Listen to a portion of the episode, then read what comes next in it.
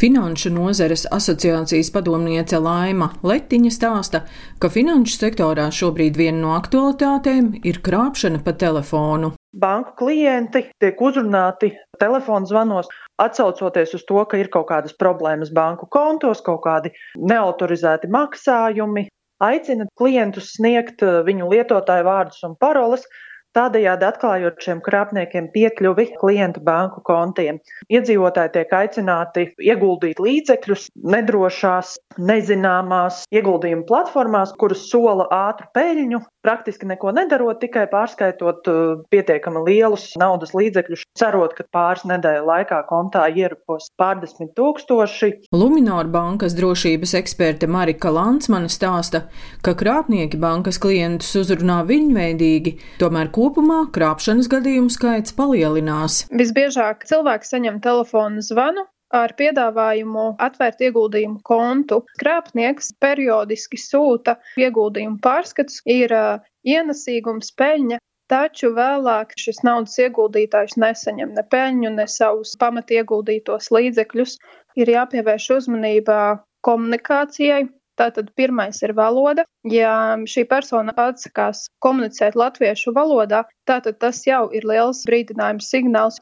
Ir jāpievērš uzmanība noteikti sarunas formātam, tonim, jo bieži vien krāpnieki ir uzstājīgi. Ja jūt, ka persona vēlas atteikties, tad viņi mēģina pierunāt, aicināt noteikti uzreiz zvanīt bankai, arī internetbankā bloķēt kartes. Tas ir ļoti izšķirošs moments, ko pats klients var izdarīt, kā sev pasargāt pēc iespējas ātrāk un sazināties ar policiju. Valsts policijas pārstāve Krista Andersone stāsta, ka martā valsts policijas Rīgas reģiona pārvaldes Rīgas kurzemes iecirknī saņemts iesniegums par vairāk nekā 26 tūkstošu eiro izkrāpšanu. Cietusī bija saņēmusi zvanu no krievu valodā runājoša vīrieša, kurš uzdevies par brokeri un piedāvājis nopelnīt kriptovalūtu bitcoin. Tas, ka telefona sarunas laikā uzrādās Latvijas telefona numurs, vai pat valsts iestādes numurs nenozīmē, ka zvan tiešām no Latvijas. Sākotnēji sievietei likts biržā ieguldīt 100 eiro, un pēc tam viņai pieprasīts pieslēgties savai internetbankai, tādējādi izvilinot viņas bankas piekļuves datus un vēlāk izkrāpjot pārējo naudu no bankas konta. Saistībā ar notikušo tika uzsākts krimināla process pēc krimināla likuma 177. panta trešās daļas proti par krāpšanu lielā apmērā.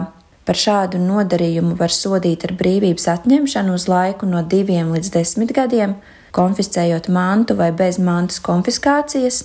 Valsts policija atgādina būt uzmanīgiem un nekādā gadījumā svešiniekiem neatklāt savu banku kontu pieejas datus. Gadījumos, ja ir izkrāpti finanšu līdzekļi, aicinām nekavējoties sazināties ar savu banku, kā arī ziņot valsts policijai, rakstot iesniegumu. Kā nekļūt par krāpnieku upuri?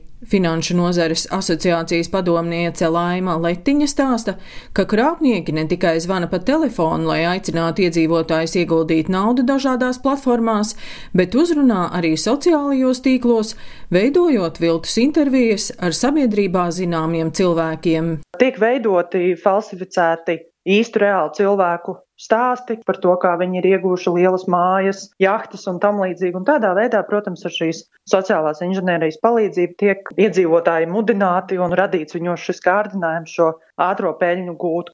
Gada sākumā un pagājušo gadu viennozīmīgi saskārāmies ar vairāk gadījumiem, kuros telefonu krāpšanā tiešām personas, kas uzrunāja klientus, runāja Krievu valodā, bet šobrīd jau parādās arī gan latviešu valodā, gan arī ir bijuši angļu valodā runājoši. Ja runājam par ieguldījumu platformām, tad pirmais un galvenais, ko, protams, varam darīt, meklējam uh, globālajā tīmeklī informāciju par šo attiecīgo uzņēmumu. Ļoti bieži jau ievadot Google linku vai nosaukumu, jau uzreiz pirmajās lapās parādās ziņojumi par krāpniecību, informācija par neatgūtu naudu un tam līdzīgi. Interesējamies, vai attiecīgais pakalpojums sniedzējs ir licencēts, kādi ir līguma nosacījumi un tā tālāk pētam, ņemot vērā, ka tomēr darbības ar finanšu instrumentiem tam līdzīgi ir pietiekami komplicētas, noteikti būtu vēlams arī konsultēties ar attiecīgās jomas speciālistiem. Ikvienas krāpšanas pamatā ir cilvēku alkatība, jeb vēlme ātri gūt lielu peļņu, un to izmanto arī krāpnieki. Visiem jāatceras, ka banku darbinieki nekad nelūgs pa telefonu nosaukt lietotāju vārdu, paroli un kodus.